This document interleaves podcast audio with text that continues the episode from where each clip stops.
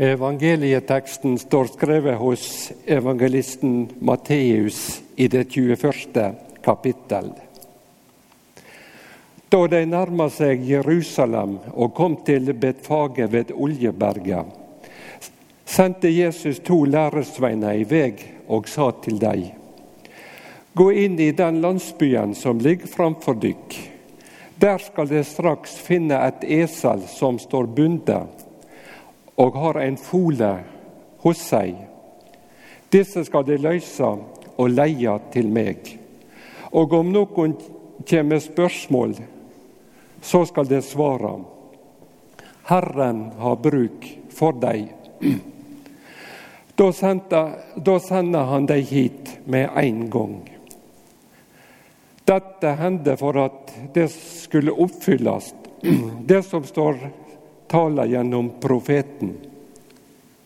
Si til Sions dotter, sjå, kongen din kjem til deg, audmjuk er han og rir på et esel, på en fole til et trekkdyr.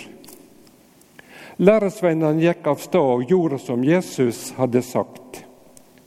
De henta eselet og folene. Så la de kappene sine på dem og han satte seg oppå. Mange i folkehopen bredde kappene sine på vegen. Andre hogg greiner av trea og strødde på vegen. Og folket som gikk føre, og de som fulgte etter, ropa.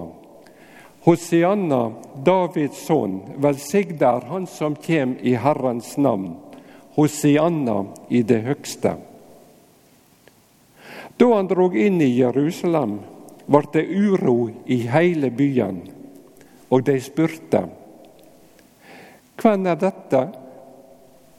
Og folkehopen svarer, det er profeten Jesus fra Nasaret i Galilea. Slik lyder det hellige evangeliet. Adventlyset er tent. Forventningene de stiger hos oss. Vi er i starten på advent og Jesu komme og jul. Og Det er så mye som skal gjøres, så mye som skal klaffe for oss. Klarer vi dette i år også? Men i teksten som vi leste sammen, så steg også stemningen og forventningene. Her var det folket som øste opp stemningen. Det var noe med Jesus som de ikke forsto. Men hva var det?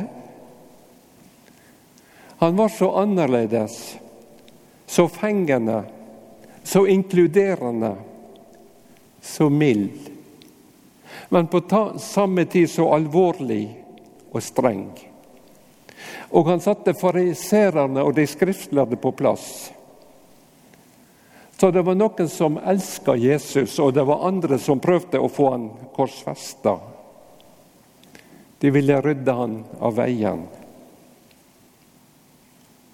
Kan vi prøve litt å sette oss inn i dette? Dramaet som utspant seg denne dagen eselet, kongen, kledet på veien og på eselet. Jesus satt opp på eselet. Hosianna ropa, Davids sønn, velsigna være Han som kjem i Herrens navn. Det var jo det reine kaoset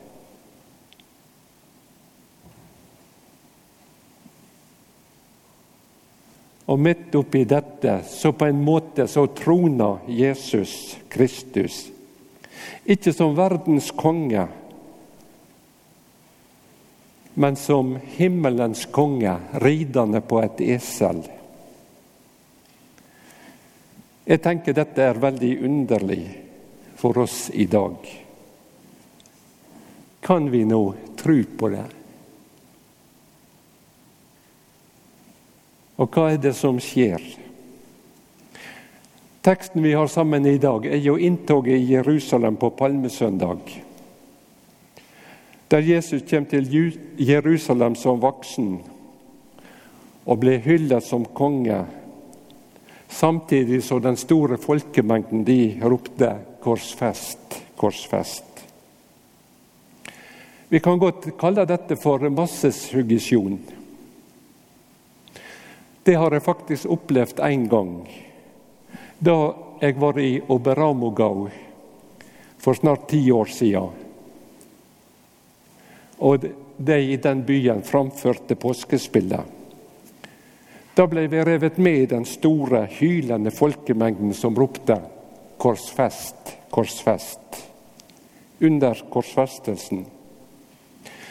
Og er det mange nok som skriker, så blir vi revet med, enten vi vil eller ikke.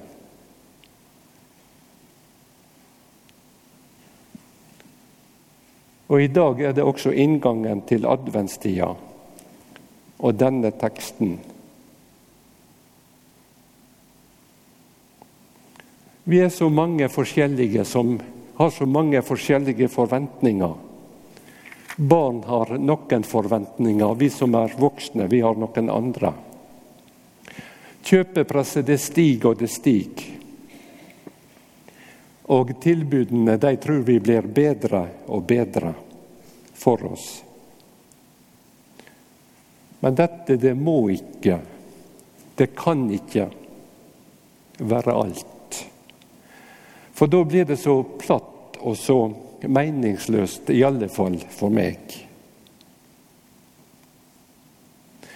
Hva er det Jesus vil vise oss med denne teksten? Jeg tror han vil vise oss det som skulle skje med han. Han hadde jo sagt det flere ganger. Jeg skal opp til Jerusalem, og der skal jeg dø, Jeg blir korsfesta. Ikke fordi han hadde gjort noe som fortjente det, men fordi han ville føre oss, deg og meg, og menneskene tilbake til Gud der vi hører hjemme. De skal finne et esel og en eselfole. Kongen på et esel. Ikke en fin, striglende hest. Ser du sammenhengen med dette og barnet i krybba i Betlehem? Det var ikke noe pomp eller prakt der heller men en tjenerskikkelse. En som ville frelse verden. Og der satt han på eselet, ydmyk.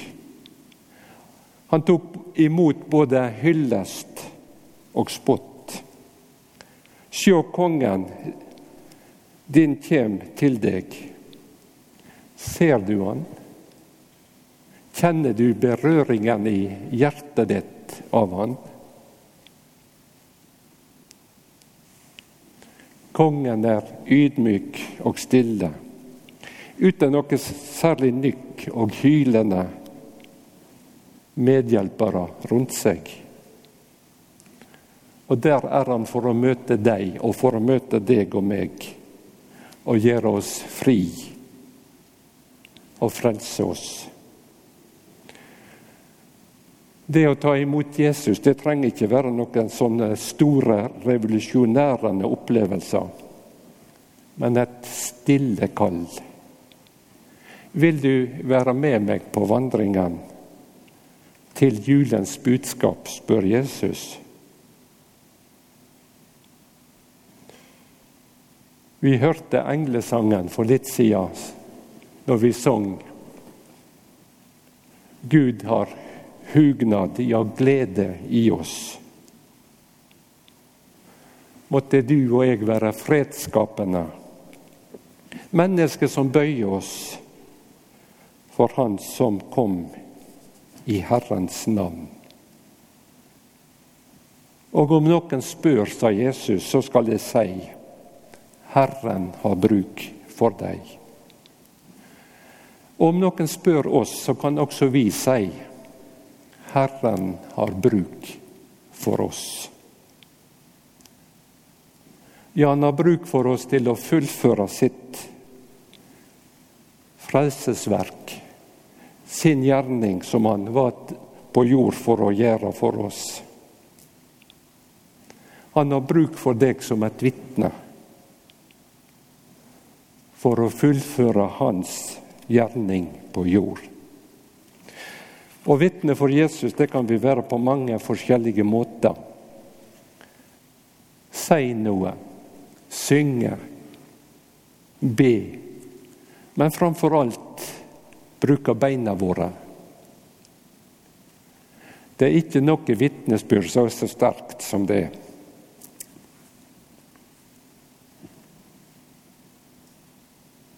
Jesus han har bruk for deg. Jesus han har bruk for deg når du går til kirka og bedehus, når du ber, når du er sammen med andre. Han har bruk for deg i sin lovsang. Jesus som var ridende på et esel, men som kommer igjen som seierens konge i herlighet. For en kontrast. For en seier for den som tror. Og det er ikke fordi jeg klarer livet mitt så godt, sikkert ikke du heller, men fordi Jesus han døde og sto opp igjen. Fordi han vil at du skal være der han er. Og i dag så er nattverdbordet dekka.